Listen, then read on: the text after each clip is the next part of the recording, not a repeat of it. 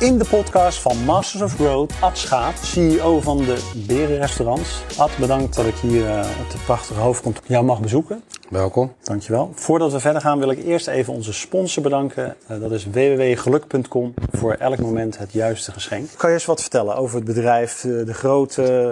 De Beren. De Beren? Ja, de Beren. De Beren is natuurlijk een echt Rotterdams bedrijf. Dus er zijn maar weinig mensen die uit Rotterdam komen die de naam de Beren niet kennen, zeg maar. Dan wel niet van vroeger de Beren eetcafés. Van de Bruintje Beer, Betty Beer en Brutus Beer. Dan wel uh, van de Beren zoals ze nu zijn. Van origine Rotterdams. 1984 begonnen. Daar was ik nog niet bij. Ik ben in 1999 ingestapt. Destijds waren er vijf eetcafés toen ik instapte. En inmiddels zijn we een landelijke keten. Met dan wel restaurants. Dus uh, gewoon grote restaurants waar mensen natuurlijk eigenlijk vanaf de ochtend tot aan s'avonds laat kunnen eten, lunchen, werken, uh, ontbijten. Zelfs op sommige locaties. Dan wel bezorgrestaurants. Dat ze thuis bezorgen van maaltijden. Wel bekend met uh, scootertjes en uh, tegenwoordig steeds meer fietsen. De berenhelm is afgeschaft. ja, de, de berenhelm staat tegenwoordig in het Rotterdamse Museum. Hm. Aan een legacy. En ja, dat is eigenlijk wat we doen. Inmiddels hebben we ruim 75 locaties door Nederland. Ja, ja. En uh, is het uh, ja, toch wel gewoon een soort serieus bedrijf geworden. Ja, dat uh, kan je wel zeggen, ja. Hey, en nou, je hebt meerdere bedrijven gehad, hè, met name horeca en ook supermarkten, begrijp ja, ik klopt. laatst. Ja. Maar waarom uiteindelijk de, toch de berenrestaurant? Ja, na mijn Rotterdam nachtelijke avontuur in, in Rotterdam Centrum de Baja, waar allemaal... Ken, heel veel ken, ik, ken ik vaak? Ja, ja, ja dat, dat heb ik dan toen nog drie jaar gedaan fantastische tijd zeg maar, om in de nachten te leven, te werken en uh, alles mee te maken. Een meer dynamische wereld als dat bestaat er natuurlijk op dat moment niet. En na drie jaar of zo was ik daar wel klaar mee, mentaal en fysiek. En toen heb ik een poosje niets gedaan en uh, de toenmalige eigenaar van de Beren, Robert Kramwinkel, uh, dat was een vriend van mij geworden in de tijd van de Baja. En die zei van, er waren toen vijf eetcafés had hij. En die zei van, heb je geen zin om samen iets te doen of uh, kijken wat jij ervan vindt van die beren. Er waren enorme drukke zaken toen al. En uh, toen uh, ben ik een poosje mee gaan lopen om te kijken wat het bedrijf, hoe dat eruit zag. En toen ben ik op enig moment ingestapt. Ja, wat, wat was er zo leuk aan de beren? Zo leuk aan de beren? Wat, wat ja, is nou de, de, beren was eigenlijk, succes, de ja. beren was eigenlijk in die tijd, zeg maar, had je het fenomeen restaurants waar mensen uit eten gingen.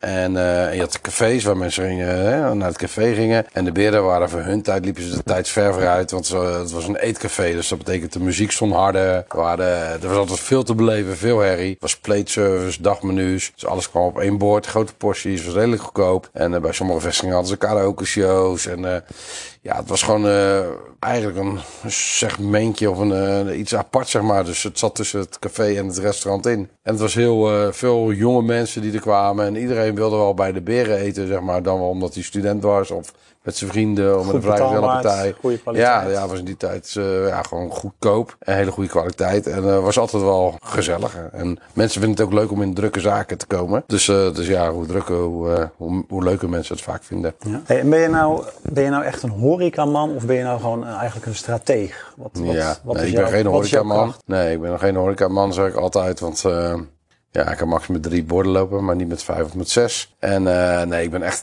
denk ik, een ondernemer. En uh, dus ik zie overal mijn kansen. En, uh, en nou is altijd geen horeca geweest of geen beren geweest, had het wel wat anders geweest. Dus ik, ja, ik trek altijd alles naar me toe. Dat doe ik in mijn privéleven, doe ik het automatisch dan ook toch. Dus is altijd eentje die...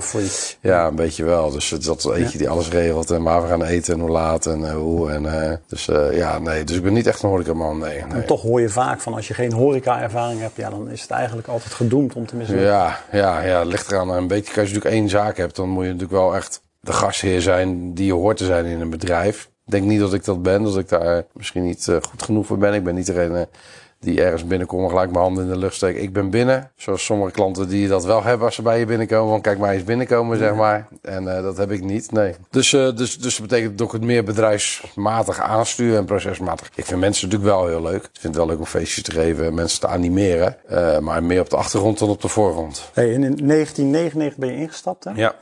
Um, maar eigenlijk is het volgens mij in mijn beleving de laatste zes, zeven jaar echt keihard gegroeid. Ja, ja dat zijn natuurlijk een beetje groeistuipen die je doormaakt. En de tijd dat ik erbij kwam, uh, waren Robert en ik uh, zeg maar allebei uh, in de dertig. En vonden we het ook leuk om veel op stap te gaan. En de beren waren echt toen ja, echt wel geldmachines, zeg maar. Het zat zeven dagen in de week vol. Dus je kan je voorstellen als je dan die leeftijd hebt en je hebt geld in je zak. En En je vindt het leuk om op stap te gaan. Dus dan, dus dan uh, ben je flink op stap. En dan is het, is het bedrijf weer even ondergeschikt. En dan maak je weer een groeistuip door. Um, en dat ging dan goed. En toen komt er weer een periode dat in de wereld wat minder ging. 2008, 2009. Dus toen is het weer, is het weer een beetje gestopt. En toen dacht je dan ga je minder stappen. En, ja, nou, op, een, gegeven moment word je te oud om natuurlijk altijd maar op stap te zijn. Dat wil niet zeggen dat je dat nooit meer doet. Maar je moet natuurlijk ook geen grap van jezelf worden. Je moet natuurlijk geen karikatuur worden. Dus op een gegeven moment word je ook ouder. Kinderen worden ouder. En dan, uh, dan wordt het wel eens tijd om wat serieuzer te gaan leven. Ja. Maar wat was dat moment dan? Dat je, had je op een gegeven moment een doel voor jezelf gesteld van uh, we gaan dit doen? Of ja, we moeten nou die, uh, het is crisis, laten we. Ja, dat gaat natuurlijk, dat gaat natuurlijk met, ja, met voortschrijdend inzicht. Hè. De markt verandert, de wereld verandert, uh, de behoeften van de consument, uh, zoals we dan hebben. Bij een restaurant hebben we gasten, bij de bezorger hebben we klanten. Bij elkaar noemen wij dat consumenten intern. Dus de behoefte van de consument verandert, de wereld wordt groter voor zo'n consument hè, door de digitale wereld. En dus het eetpatroon verandert, meer uit eten gaan. Dus ja, je zal daar, vroeger waren we echt een eetcafé, een bruin eetcafé. Ja, en nu zijn we toch wel gewoon een volwaardige ja, all-day concept, zoals ze dat hier dan noemen. Ja. Dus de verblijfsduur in je restaurants worden langer. Dus je moet dan toch constant zeg maar, dingen gaan aanpassen. Wil je niet uh, de V&D worden van, uh, van, van de horeca. Ja. Dan uh, je zegt van nou, we bestaan al heel lang, maar alleen er komt niemand meer bij ons eten, zeg maar. Dus dat is een continu proces. En, en dat gaat natuurlijk een beetje met stuipen. En nu de laatste jaren is ook weer zo'n echte groeistuip. En de komende jaren eigenlijk wel weer. Ja. ja en dan gebeurt, om dat te laten gebeuren, ja, dat, dat betekent dat je vaak beslissingen moet nemen. Of minder leuke beslissingen. Uh, dat, dat, gaat niet vanzelf. En waar komt die strategie vandaan? Dan is dat dan een soort angst van we moeten wel zorgen dat we in leven blijven? Of... Ja, ja, je hebt wel. ambitie? Ja, ambitie sowieso. Maar naarmate, zeg maar, eh, ook hier geldt weer hoe langer je doet. Kijk, in het begin heb je altijd heel veel te bewijzen aan jezelf en aan de buitenwereld. Want ik kan dat en ik wil vijf zaken of tien. En zei Robert wel eens, ja, misschien hebben we later wel twintig, uh, twintig restaurants. We, nee dat kan niet joh. Maar op een gegeven moment groei je daar overheen. En dan, dan ga je vanuit de andere energie werken. En dan heb je natuurlijk eigenlijk niet zoveel meer te bewijzen aan jezelf of aan anderen. Dan doe je gewoon omdat, omdat je business case klopt. En omdat je je bedrijf dat verdient. En ik denk ook, wil je goede mensen binnenhouden, dus wil je, wil je de beste zijn, zou je ook moeten groeien. Want anders zijn mensen uitgeleerd bij je en kunnen ze geen carrière meer maken. En uh, dus goede mensen hebben gewoon uh, groei nodig, denk ik. Anders ja. gaan ze bij je collega werken. Hey, en de groei ging, ja, gaat eigenlijk volledig volgens mij via franchise? Hè? Deels franchise, deels eigen zaken, zeg maar. We hebben toch nog altijd acht, negen eigen restaurants nu. We gaan er nu binnenkort weer twee openen in Rotterdam. één in de Markthal en één bij de ingang van het Alexandrium. Daar de Primarkt. Ja, en die houden we dan ook weer zelf, zeg maar. Ja, oké. Okay. Jullie starten ook op en dan ja, wij, wij, ja, wij leveren turnkey op. Dus een franchise nemen, die komt pas uh, in het spel een week voor de opening. Daarvoor is je wel aan het werk in andere bedrijven. Gaat hij allemaal processen door.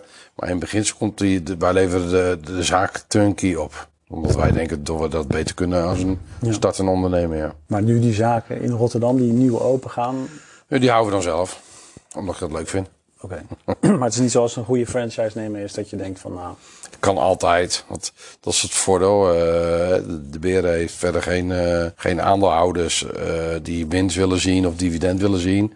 Dus ik heb wel gewoon een directie natuurlijk. Maar als ik iets niet wil, ja, dan doe ik het niet. Of dan doe ik het wel. Dat beslis ik dan met mijn directie. Ik heb wat dat betreft niemand verantwoording af te leggen. En dat maakt het natuurlijk wel heel leuk. En wanneer was het moment dat je dacht van ik moet groeien via franchise? Dat is in 2006. Ik ben in uh, 2016, sorry. Ik ben in 2011 uh, zijn Robert en ik uit elkaar gegaan, de laatste kompions. Robert was er al toen ik er kwam. En uiteindelijk, ja, dan uh, zoals vaak in een relatie, in het begin is alles leuk en, en grappig. En uiteindelijk groei je uit elkaar. Zowel zaken als privé groeiden we uit elkaar. En dat is best een turbulente tijd geweest voor allebei. En dat heeft erin geresulteerd uiteindelijk dat ik Robert heb uitgekocht in 2011. En even verder gegaan. En dat was best een serieus uitkoop. Dus financieel ben dan, zit je toch al gelijk uh, aan het plafond. Dus dan kan je eigenlijk weinig meer doen. Dus in de jaren daarna ben je eigenlijk alleen maar de bank aan het aflossen. Daar komt het op neer. En toen dacht ik van ja, dit vind ik gewoon niet leuk.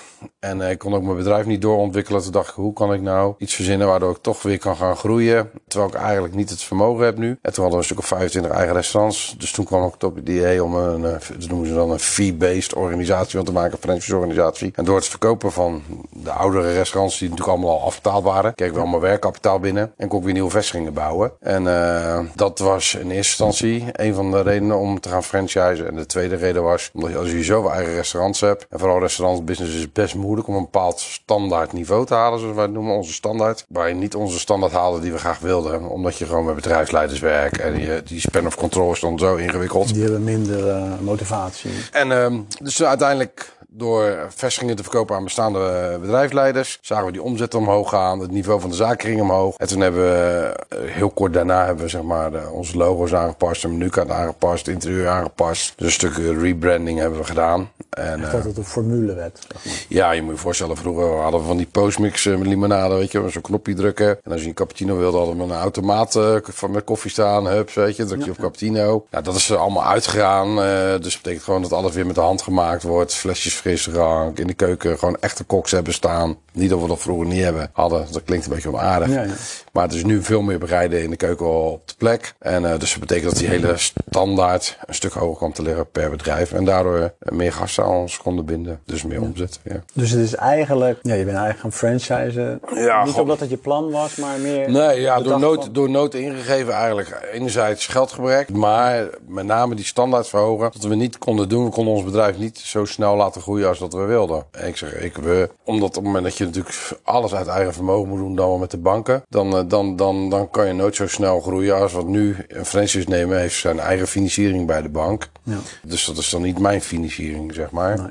Dus daardoor kan je wel sneller groeien. En zo'n winkel heeft dan gewoon, of zo'n vestiging moet ik zeggen, heeft dan gewoon een eigenaar. En wij willen graag dat die eigenaar gewoon een lokale held is vanuit zijn, uh, in zijn omgeving waar die zit. Ja, dat, dat, dat geeft veel meer continuïteit dan dat je er een manager neerzet. Ja, het was door nood, maar eigenlijk is het heel, heel goed uh, uitgepakt, zeg maar. Zeker. Heb je dus bewust dan een doel uh, om te groeien gehad? Of heb je dat ja, nog steeds? Ja, je ziet, je ziet gewoon dat, dat, ons, dat onze restaurants lopen goed overal. Hè. Er zit best wel eens een keer een mis tussen, maar uh, 99% doet het goed. Dus dan, dan denk je, ja, waarom zou ik dat dan niet overal gaan doen op het moment dat het goed werkt? Ja, ik denk dat het een beetje typisch des ondernemer is. Is alles wat je hebt, dat dat niet voldoet. Dus dat je, dat je altijd op zoek bent naar nieuwe plannen en nieuwe Meer dingen. glans. Ja. ja, je bent altijd op zoek naar die uitdaging. Ja. Om het beste in jezelf naar boven te halen of uit andere mensen. Waar komt dat vandaan? Ja, die bewijsdrang. Ja, ja, ja, ja dat komt natuurlijk ergens vandaan. Uh, toevallig. Uh, en als je ouder wordt, wordt dat niet minder? Of, uh... Nou, dat had ik wel gehoopt.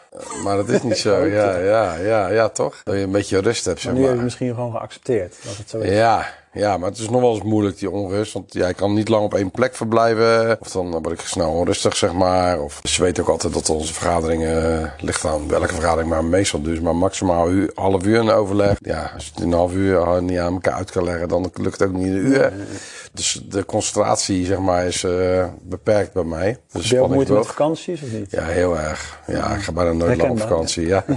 nee, ja, ik, uh, ik kom meestal, ze lachen altijd hier, want meestal kom ik vroeger terug dan gepland. Pak gewoon een vliegtuig Kan je ontspannen? Nee, ja, een paar dagen en dan op een gegeven moment is het weg. Ja, en dan word ik onrustig. En dat is niet leuk voor de mensen in je omgeving natuurlijk. Want ja, die hebben ook altijd last van natuurlijk, van Ja. hun eigen gedrag. De mensen die me goed kennen houden allemaal rekening mee natuurlijk. Maar soms is het niet altijd even leuk. Maar ja, dat zit nou helemaal in je. Ja, dat kan ik er ook niet uit halen, toch? Is je gebracht waar we nu zitten? Ja, zo is het. Het heeft ook heel veel voordelen. Ja, zeker. Hey, en ja, jullie hebben dus eh, franchise en je hebt hard en soft franchise. Hebben Ja, we begrepen jullie ja, bij hard. hard? Dat, franchise, eh, ja. ja. Gewoon eh, die ondernemer die kan zich gewoon bezighouden met zijn vestiging. En hij kan lokaal natuurlijk wat dingen doen. Maar hij kan voor de rest helemaal niets veranderen aan de formule, prijsstelling, helemaal Ja. niks. Het is al alsof het eh, Albert Heijn of McDonald's of eh, wij de beren zijn.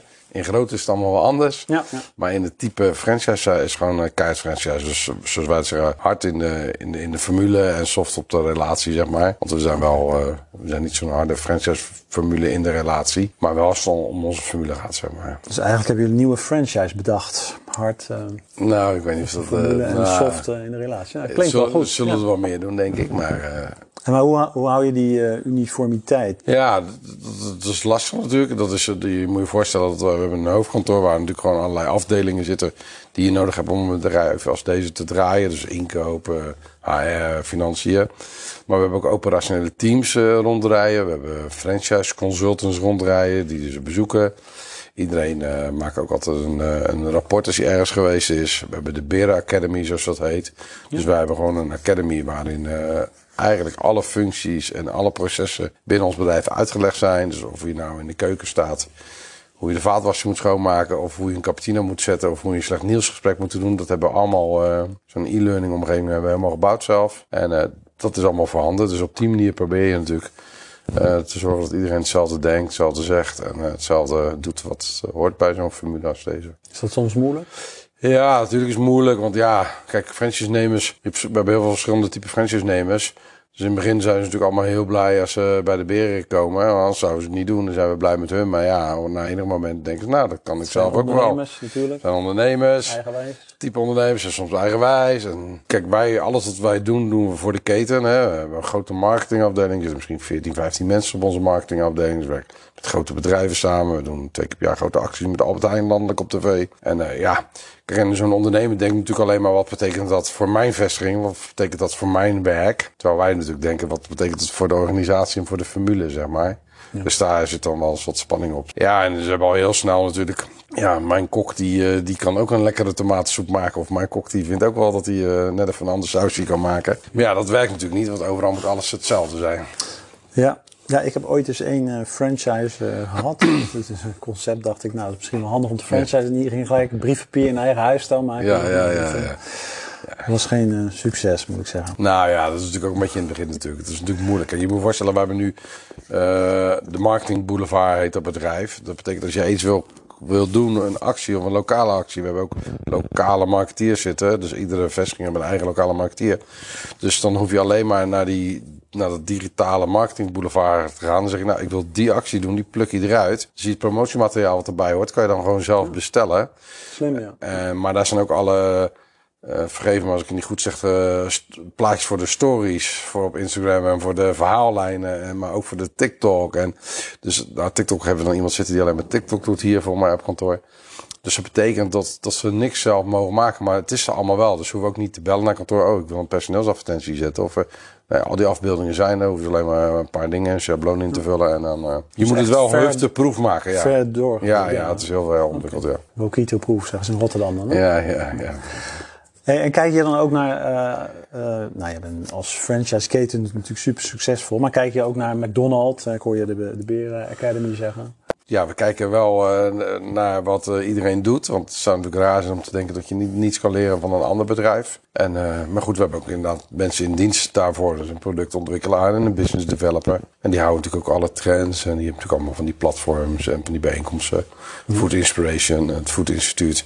Daar, daar vinden allerlei trends plaats. En daar gaan onze mensen dan ook kijken. En, dus we proberen wel bij te blijven daarin. Hey, nu, ja, hoe vind je ondernemers? Staan ze in de rij om...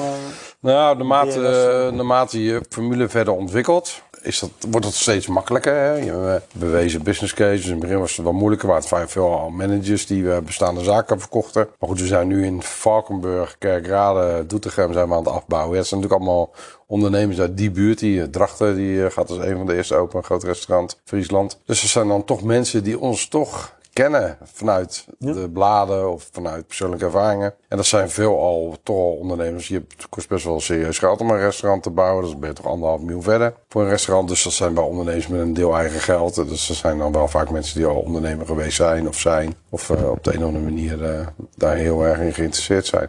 Dus het wordt steeds makkelijker naarmate de formule landelijker en groter wordt. Ik, ik, las in een interview dat jij, jij herkent uh, een goede franchise-nemer. Meteen. is dat, als ze binnenkomen. Nee, ja, dat is heel moeilijk. Kijk, wij zijn altijd wel op zoek naar mensen. Dus dat geldt ook voor mensen die bij je werken. Naar de juiste mensen, zeg maar. Hè. Ik glimmen bij mensen ook als ze goede mensen ergens zien of, of tegenkomen. En als mensen een goede energie hebben, moeten ze gewoon bij ons komen werken. En dan komen ze gewoon op de trein, zoals ik dat zeg. En welk plaatsje ze in de trein, op welk stoeltje ze gaan zitten, dat zien we dan nog wel soms. En uh, dat geldt natuurlijk ook met franchise-nemers. Maar uiteindelijk, dat laatste stukje ondernemerschap, dat is wel heel moeilijk in te schatten. Dus je denkt wel, nou, kijk, kijk commerciële mensen die een commerciële baan hebben gehad, die kunnen vaak heel goed praten. Ja. Maar die kunnen misschien helemaal niet zo goed leiding geven. Of die vallen heel erg tegen in de praktijk. Daarvoor hebben we ook onze opleidingen. Wat uiteindelijk bepaalt operatie, zoals wij het noemen, operations bepaalt. Of een franchise nemen uiteindelijk er wel of niet doorkomt. En uh, omdat ja, op papier en, en uh, commercieel kan het allemaal heel goed klikken. Maar je moet je wel in staat zijn om. Verkopen, ja, dus, uh... ja, en je hebt ook mensen die commercieel misschien iets minder goed. Maar als ze mensen op een vloer staan, ja, kunnen ze wel heel goed een team aansturen en zo. Ja. Dus dat test je van tevoren? Ja, ja, ze gaan dan stages door. En uiteindelijk hebben ze een opleiding van zes tot tien weken. En in die zes tot tien weken kunnen wij nog steeds zeggen dat we het niet doen, zeg maar. Maar nog toch even naar, want Ja. ik zeg het gekscherend, want waar hoorde ik dat? Dat je jij herkent Ja, een ondernemer, zeg maar. Of- Ja, ik weet niet waar je dat gehoord hebt. Nee, ja, je, je werkt natuurlijk al heel je leven met mensen natuurlijk. En zeker in dit vak. Je bent natuurlijk al, ons werk is natuurlijk alleen maar met mensen werken. De rest is allemaal maar een beetje... Het is natuurlijk geen rocket science wat we doen. Nee. We, we moeten alleen zorgen dat die mensen die bij ons komen... Dat, dat die blij en tevreden weggaan. Waardoor ze nog een keer terugkomen. En zoals ik wel zeg, we hoeven het alleen maar net iets beter te doen dan onze buurman. Dus als ze een keuze moeten maken, dan zeggen we, nou, we gaan met de Want dat is hier in de buurt toch wel de beste. Je hoeft niet de beste van de Nederland of van de wereld te zijn. Je moet gewoon net even iets beter dan de buren zijn. En eh, dus ja, op het moment dat je met mensen spreekt, ja, dan, dan heb je al snel in de gaten toch wel iemand een drive heeft. Of, eh, of dat hij energie bij zich draagt. Of eh, dat zeg maar. Ja. En, eh, en wat zijn de, de perfecte ingrediënten, zeg maar? Vind jij? Nou, Of denk jij? voor, voor ondernemerschap of voor werknemen, dat scheelt ook nog. Want ik heb Nou, ook, ondernemerschap. Ja, onder, echt ondernemerschap. Ja, is dat, dat je net even iets verder gaat, zeg maar, dan, dan waar anderen stoppen, zeg maar. Een hele goede manager kan nog steeds een hele slechte ondernemer zijn. En dus een ondernemer ja, is gewoon bereid ook wel dingen op te offeren. Want het begint uiteindelijk, je kunt het wel heel erg romantiseren. En dat, dat is het ook. Maar uiteindelijk begint het toch met heel hard werken. Daar begint het wel maar ergens. Ja, dat gevoel moet je wel hebben als je met mensen spreekt. eh, bereid zijn om eh, een bepaalde inspanning te leveren om hun doel te bereiken, zeg maar. Ja. Waarschijnlijk zeggen ze allemaal, ja, dat tuurlijk. Klopt, dat wil ik. Ga ik hard werken. En, eh, Dat klopt. En eh, daar maken we ook wel eens misses mee. Dat klopt. En eh, jonge stellen die zeggen, ja, we gaan ervoor. En eh, dan helpen we ze financieel. En dan, dan gaan ze die zaak beginnen. En dan drie maanden is zij zwanger en dan stopt ze met werken. En terwijl de hele business case gebouwd is met twee meewerkenden. Ja, niet dat ik daar iets over te zeggen heb. We mogen het ook niet vragen van tevoren. Nee, nee. Maar dan denk ik, ja, we hadden even een jaartje of twee jaar gewacht tot even de kop eraf was, zeg maar. En eh, als je dan, niet dat je dat niet mag doen, als, maar goed, je maakt ergens een strategische keuze van, ik ga me even twee jaar wegcijferen om eh, heel hard te werken. toch? Ja. Merk je verschillen in steden? Ik kan me zo voorstellen in Spijkenisse, vlakbij Ja. Rotterdam. Iedereen kent de beer in Ja. Rotterdam, dus makkelijk Klopt. dat loopt. Ja. Maar in Drachten bijvoorbeeld. Nou ja, zo- dan is dat minder. dus- ja, nou is het natuurlijk wel zo dat, eh, dat wat- wat, er veranderd is met vroeger, is dat op het moment dat je een nieuwe vestiging gaat openen, door sociale media en Facebook. En dus voor- vaak voordat een vestiging in Drachten opent, omdat ook al een lokaal iemand is, heeft hij al eh, zoveel honderd of duizend volgers op Facebook. Of, eh, dus zo'n zo'n formule als ons is dan toch wel bekend. Hè, vaak wat lokale publiciteit, van de beren komt naar de, de drachten. Dus dan, dan, dan heb je toch al genoeg persmomenten of media-aandacht... waardoor mensen nieuwsgierig zijn en naar je komen kijken. Het is wel zo, hoe verder weg bij Rotterdam, zoals wij dat noemen... hoe dominanter de locatie moet zijn. Hè? In Rotterdam kunnen we best... Ja, als we hier in Capelle zitten we aan het water ergens. Hebben we twee jaar geleden geopend. eh, mooi aan de IJssel, Zandrak. Als dat niet onder de rook van Rotterdam was geweest... hadden we er misschien een jaar over gedaan dat ze ons hadden gevonden... Ja, ja. Maar omdat het onder de rook van Rotterdam is, is iedereen wel bereid een stukje te rijden. Want ze weten, hé, hey, de beren zitten daar, dat is leuk joh. En eh, ja, we hebben toch wel een heel trouw publiek, zeg maar. Hey, en, eh, ik heb er natuurlijk al een vraag over gesteld, maar er zijn natuurlijk meerdere kapiteins in principe tussen haakjes aan boord. Ja. Omdat iedereen eh, zijn eigen bedrijf heeft, zijn Ja. eigen restaurant. Ja, hoe ga je daarmee om? Ja, die, ja, er zit natuurlijk. eh, ze hebben een, een vereniging. Alle franchise-nemers zitten in de franchise-vereniging. Die vaardigt. Eh, die hebben een, eh, een, een, een raad, zeg maar. Of die hebben een bestuur, zo zeg ik het goed. Die hebben een bestuur. En dat bestuur zit in de franchise-raad. En die hebben elke maand een vergadering met ons op kantoor. Met mijn franchise-directeur. Die hebben we dan ook weer natuurlijk. Dus de raad eh, vertegenwoordigt de franchise-nemers.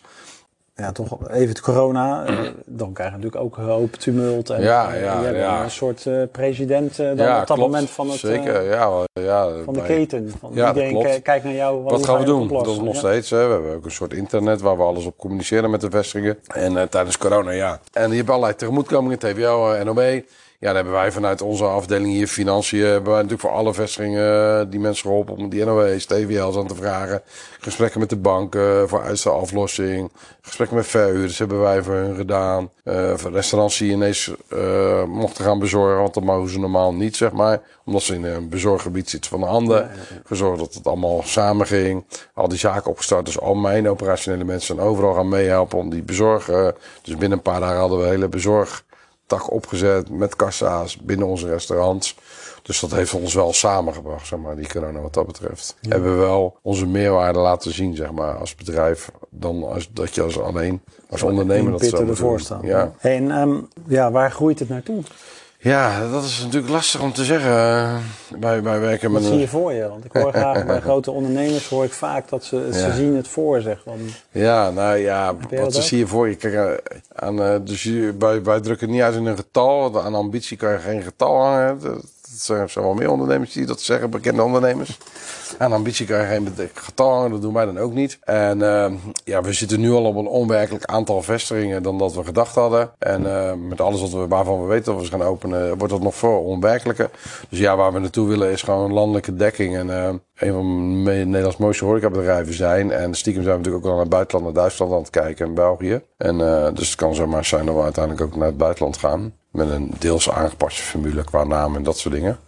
Maar dat zijn we wel allemaal aan het doen. Ja, dus, dus ja, waar gaat het naartoe? Eh, gewoon, eh, we bestaan nu hoeveel? Eh 84, eh 16, 37 jaar. Dus ja, laten we gewoon op naar die 50 jaar gaan voorlopig. ja. En dan eh, iedere- Europa in. Bij iedere afslag...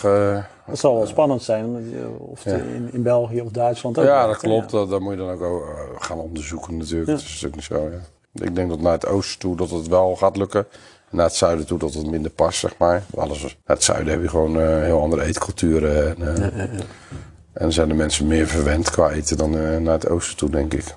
Hey, heb jij nog ehm, tips voor onze luisteraars? Het zijn allemaal ondernemers. Waar, ja, wat is nou, wat maakt je een goede ondernemer? Wat, Ja, wat maakt je een goede ondernemer? Ja, kijk, wat- vooral belangrijk is, eh, dat je je niet laat leiden, zeg maar, door allerlei mensen om je heen, wat wel en wat niet kan. Als jij ondernemer bent, ben je heel goed in staat om, eh, om eh, te kunnen bepalen wat jij denkt wat je wel en niet kan. En wil niet zeggen dat je geen expertise moet inhuren, financieel, juridisch, dat moet je zeker allemaal doen. Maar uiteindelijk moet je wel gewoon je eigen pad volgen. En als jij denkt dat je iets kan en je hebt daar veel voor over, je bent bereid om daar iets extra's voor te doen, dan, dan zijn maar weinig dingen niet mogelijk. En het begint bij hard werken. Blijf dicht bij jezelf. Vooral Ja. dat. Ja. wat is jouw eh, eigenschap die het meeste gebracht heeft?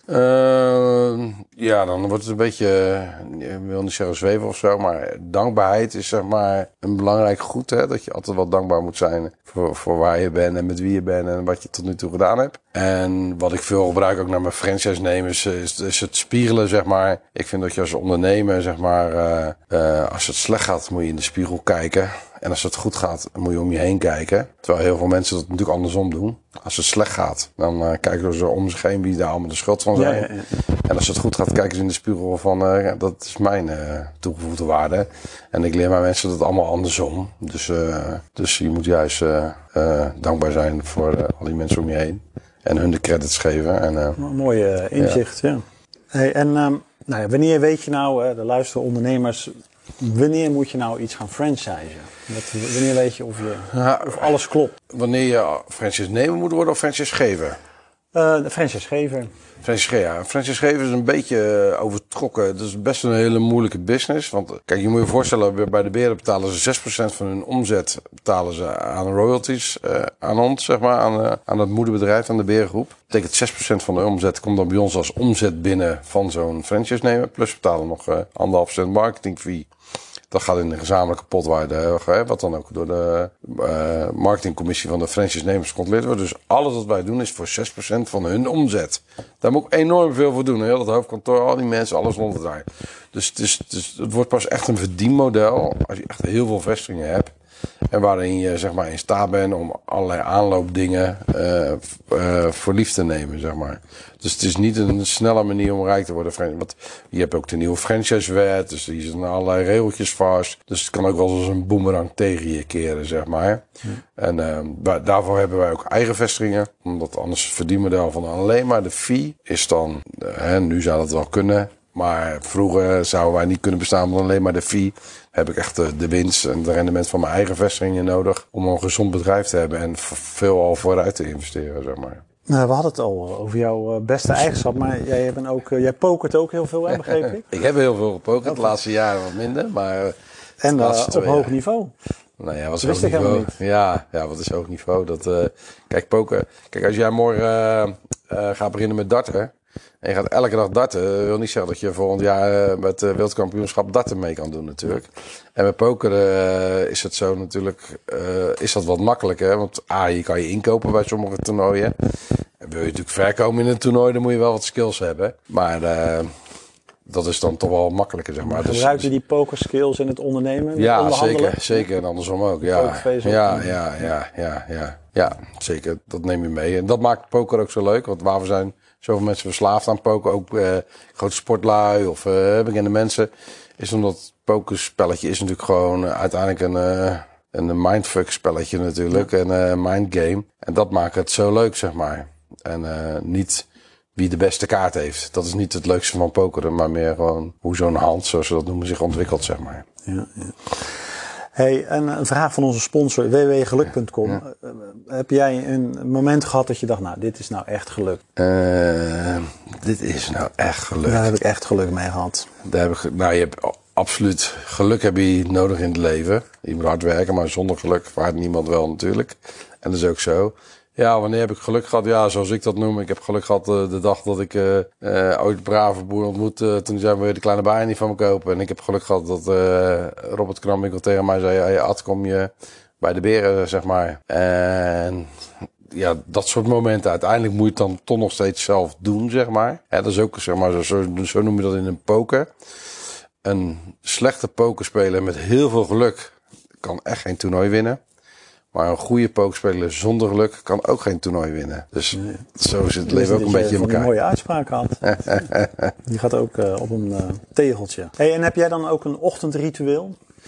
Nou, eigenlijk sinds eh, corona wel. Want toen lag hij natuurlijk wel ineens... Dan met 300 km per uur komt die trein tot stilstand natuurlijk bij ons. En dus toen zat ik wel heel erg met mezelf in de weg. En want ja, alle dagelijkse automatismes die vallen weg. Hè. Al je restaurants gaan dicht. eh, daar wil je eigenlijk liever niet meer komen. onrustig, dus, Ja, eh, je bent al onrustig. Dus toen heb ik eh, Wim Hof eh, ontdekt. Zoals velen volgens mij. eh, hij is wel heel eh, populair. Ja. populair. Dus dat betekent inderdaad dat ik eh, s ochtends mijn ademhalingsoefeningetjes doe, het koud douchen. En eh, dat doe ik tot de dag van vandaag. Nog minimaal vijf keer in de week van de vijf dagen van de zeven. En van de winter ook veel in natuurwater gaan zwemmen. Of eh, zwemmen zo groot wordt dan, want dan het is te koud om te zwemmen. Dat gaat dan niet meer. En, eh, maar dat soort dingen, om eh, toch maar jezelf dwingen om iets te doen. waardoor je je beter voelt, zeg maar. Dat heb je nu gewoon meegenomen dat Ja. het goed werkt. Ja, ja, dat werkt zeker goed, ja. Wat, wat doet het met je?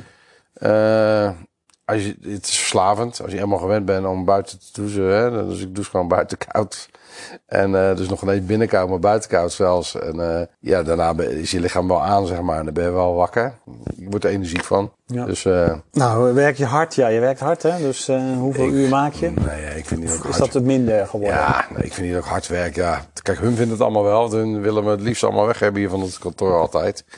Ja, wat is hard werken? Ja, weet je, vroeger... Bemoeiallig? Of, eh, Nou, je, vindt, je moet wel uitkijken, want je vindt wel overal ergens iets van natuurlijk. Hè, je moet je voorstellen, eh, dit is dan mijn bureau waar we nu zitten. Daar is dat een lange vergadertafel voor. Die wordt dan vaker gebruikt omdat het kantoor nu te vol is. Door, hè, noem wat maandag zit hier de marketingafdeling te vergaderen. En dan ga ik netjes met mijn oortjes in zitten, omdat ik dan niet eh, mee wil luisteren zogenaamd. Maar ja, dan hoor ik dingen en dan doe ik toch weer zo'n oortje uit. En dan zeg ik, nou, daar, heb ik wel, daar vind ik wel iets van. En, ehm, dus dat proberen we een beetje te vermijden. Dus ja, ja, je ziet het niet als werken, zeg maar. Weet je. Ik ben zo blij als ik maandags gewoon weer naar kantoor ga. En ik zie iedereen. En bij wijze spreken tot de zondag voorbij is. Dat klinkt een beetje arm nu, maar ja. ja. Het is, maar het is niet meer zo dat ik... Ik ben s'avonds in principe gewoon thuis. En de weekenden ben ik gewoon thuis. En natuurlijk heb je altijd wel dingetjes. Twee avondjes in de week ben je dan toch niet thuis. Maar het is niet meer zo. Vroeger eh, Ja, je moest ik hard ook werken. met je vrouw. Hè? Ja, ja, ja. Vroeger moest ik hard werken, vond ik. Maar nu vind ik niet dat ik hard moet werken. Hey, en heb jij ook ondernemers die jij als voorbeeld ziet? Ja, dat vind ik lastig, zeg maar. Dat is natuurlijk een veelgestelde vraag. En eh, ik heb altijd wel in een bepaalde periode in je leven dat je dan een ondernemer als voorbeeld ziet. Hè? En, eh, zoals vroeger in de stad, als ik die naam dan toch wel een keer heb laten vallen. Toen ik die bijtijd Bravenboer was, Ja. dan toch wel de man natuurlijk, hè, in Rotterdam in het nachtleven. Die heeft toch iets unieks gepresteerd en nog steeds ook. En, maar naarmate je doorontwikkelt, kom je natuurlijk ander soort ondernemers tegen. En als ik dan al één bedrijf heb waar ik stiekem naar kijk en waarvan ik vind dat, eh, dat het enorm knap is wat we doen en wat wij eigenlijk ook doen, maar dan nog een, een kleinere schaal, is het familie van de Valk, zeg maar. De Valk, die ook een, die hele transitie eh, van, die, van, van een oudbollig eh, hotelketen, toch wat ze waren, tot getransformeerd zijn naar echt eh, fantastisch mooie hotels. En, Ja, hebben we toch helemaal opgepakt. en enorm de markt aan het veroveren zijn. Dus eh, dus dan is dat wel een type ondernemer waar ik naar kijk, zeg maar. Voor de rest ga ik niet zo snel In verzinnen. het buitenland of zo? eh, Nou ja, Richard Branson of zo? Ja, Of, eh, nee, ja, die past dan minder bij mij als, eh, als persoon. Omdat hij, dat zijn vaak ondernemers die zelf veel op de voorgrond gaan. En ik vind dat dat zelf, probeer ik dat juist zoveel mogelijk te vermijden. Dan zal ik waarschijnlijk al de eerste keer gelijk op LinkedIn gereageerd. Maar ik probeer het juist een beetje te vermijden. Maar tuurlijk kan ik wel zien de, de, de bijzondere mensen, de Elon Musk en eh, we- hoe heet die van Apple en al dat soort mannen. Ja, dat zijn natuurlijk de geniale mensen, de- waar genialiteit en, eh, en eh, eh, hoe heet dat, eh, ook wel een beetje narcisme en zo, waar het allemaal tegen elkaar aanschurkt natuurlijk, Ja, dat soort mensen. Maar zeker, ja, natuurlijk kijk je wel. eh Zo'n bedrijf als Picnic vind ik een, eh, mooi bedrijf. En van die disruptors, zoals ze dat dan noemen. Dan toch even de laatste vraag. eh, ja, als uitsmijter, de beste tip voor een ondernemer. De beste tip voor de ondernemer. Maak het geld wat je in eerste instantie wil verdienen. Ik weet niet of ik het helemaal gaat goed formuleren. Misschien moet ik het twee keer doen. Ondergeschikt aan de passie en het resultaat wat je wil halen. Op het moment dat je iets, iets wil creëren, dan komt het geld komt er altijd achteraan, zeg maar, toch? Kwaliteit komt altijd bovendrijven. Dus, dus ja, natuurlijk. Dat, dat zeggen ze, ja. ja. Ja, ja, dat is ook echt zo. Dus op het moment dat je iets doet waar... Ja, ik geef totaal niet om geld. Eh, mijn CFO eh, die zegt altijd dat ik het Sinterklaas-syndroom heb, zeg maar. Dat, die past een beetje op mijn portemonnee, zeg maar. Ja, ik vind het niet zo belangrijk. Kijk, niet dat mensen misbruik van me maken. Want er gaat natuurlijk ook wel een knopje om. Anders kom je ook niet zo ver in de zakenwereld Nee. natuurlijk. Als mensen misbruik van je maken, dan, dan moet je ook natuurlijk wel gewoon van je af... eh. en... maar als je op de juiste mensen een beetje nederig bent voor je omgeving, dus niet zwak. Hè, zwak en nederig zijn twee hele verschillende dingen. Nederig, dan, eh, dan kan je nog steeds. eh, hè, Gandhi was een hele nederige man. En, eh, Ja, ik snap het. maar die heeft de Ja. wereld veranderd. En, dus een beetje nederigheid als ondernemen. En dus goed om je heen kijken en luisteren. En het geld niet belangrijk maken. Mensen die het geld het belangrijkst maken, zijn vaak hele nare mensen. En ik geloof, ik geloof daar niet in, zeg maar. Ik geloof altijd dat het geld daarna komt, zeg maar. Dus eh, het geld komt altijd achteraf op het moment dat je succesvol bent. En eh, dus volg vooral je hart, je passie, je hebt er veel voor over. Wees een beetje nederig op de juiste momenten. Blijf dicht bij jezelf. En eh, kijk in de spiegel als het niet goed gaat. oogkleppen op. Geen ooglep op. Nee, nee, ja. Dat zie je wel vaak. Ja, je moet ervoor gaan, je moet ervoor gaan. En dan nee. hebben ondernemers oogkleppen op en dan zien ze de gevaren ook niet. Nee, nee dat, dat klopt. Je moet gewoon, en, eh, maar dat bedoel ik. Kijk, als jij ergens binnenkomt en je praat gelijk, weet je, je komt binnen, hey, dit en dat. Je ziet niet wie er in de kamer is, je weet niet waar het gesprek over ging op dat moment dat je, dat je, de- en op het moment dat je stilletjes is, dan kan je kijken wie is er in de ruimte, wat zeggen ze. Mijn mensen mogen ook niet, mijn managers, al bellend een zaak binnenlopen. Of hier het kantoor. Ik kom ook niet bellend kantoor. Dan maak ik netjes in de auto maak ik mijn telefoontje af. Toen kom ik er binnen en dan zegt er iedereen goedemorgen. Want ik vind het echt disrespectvol als ik binnenkom. En ik loop bellend door de gang zonder dat ik allemaal mensen kan groeten. Dan maak ik gewoon buiten mijn telefoontje af. En dan kom ik gewoon binnen. Dan zie ik ook gelijk wie er wel is, wie er niet is. Hoe het alles eruit ziet. Dat zijn allemaal hele kleine dingetjes. En, eh, Oprecht luisteren, denk ik. ook. ja, en dat bedoel ik met een beetje nederigheid, weet je. Niet denken dat je... Je kent wel de mensen toch die ergens binnenkomen en eh de ruimte Nou ja, de boeddhisten zeggen toch, als je, als je ehm, moet ik dat goed zeggen? De boeddhisten zeggen, als je niet praat, dan kan je luisteren. Ja, klopt. Ja, dat is ook zo. Hij die praat, die eh, hoort niks. En die leert ook niks. Nee. Oké, Ad, hartstikke bedankt voor dit gesprek. Ja, ik hoop dat je er iets aan hebt. Of dat de mensen die naar luisteren iets aan Dat hebben. eh, weet ik wel zeker. Ik wil onze sponsor nog bedanken, www.geluk.com, voor elk moment het juiste geschenk.